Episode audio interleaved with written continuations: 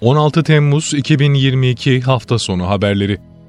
Türkiye'nin FETÖ'nün 15 Temmuz 2016'daki hain darbe girişiminden büyük bir destanla kurtuluşunun 6. yıl dönümü kapsamında Saraçhane Meydanı'nda anma programı düzenlendi. Ellerinde Türk bayrağı taşıyan ve bazılarının ay yıldızlı tişörtler giydiği binlerce vatandaş alanı doldurdu. 15 Temmuz temalı video gösterimiyle başlayan anma programı kapsamında sela verildi. 15 Temmuz şehitlerin ismi tek tek okunurken vatandaşlar burada diye karşılık verdi. Cumhurbaşkanı Erdoğan 15 Temmuz gecesi son sözü top tüfek değil, imanın belirlediğinin görüldüğüne dikkati çekti. Cumhurbaşkanı Erdoğan sözlerini Arif Nihat Asya'nın dua şiirini okuyarak tamamladı. Cumhurbaşkanlığı İletişim Başkanlığı tarafından İstanbul'daki simge yapılarda 15 Temmuz'a özel video mapping gösterisi gerçekleştirildi.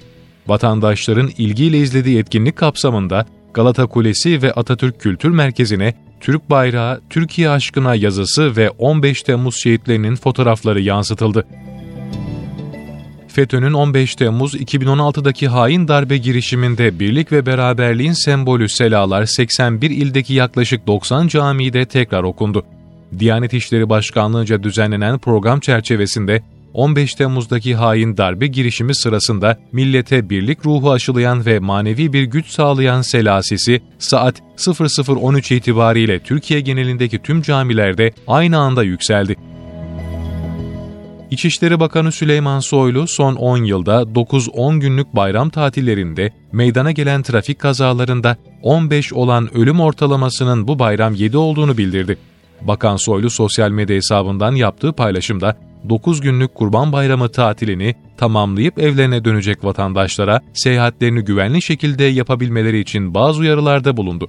Soylu, son 10 yılda 9-10 günlük bayram tatillerinde ölüm ortalaması 15, 2022 Kurban Bayramı'nda 7. Sağ salim evinize dönüş için hep birlikte kurallara uyalım ifadesini kullandı.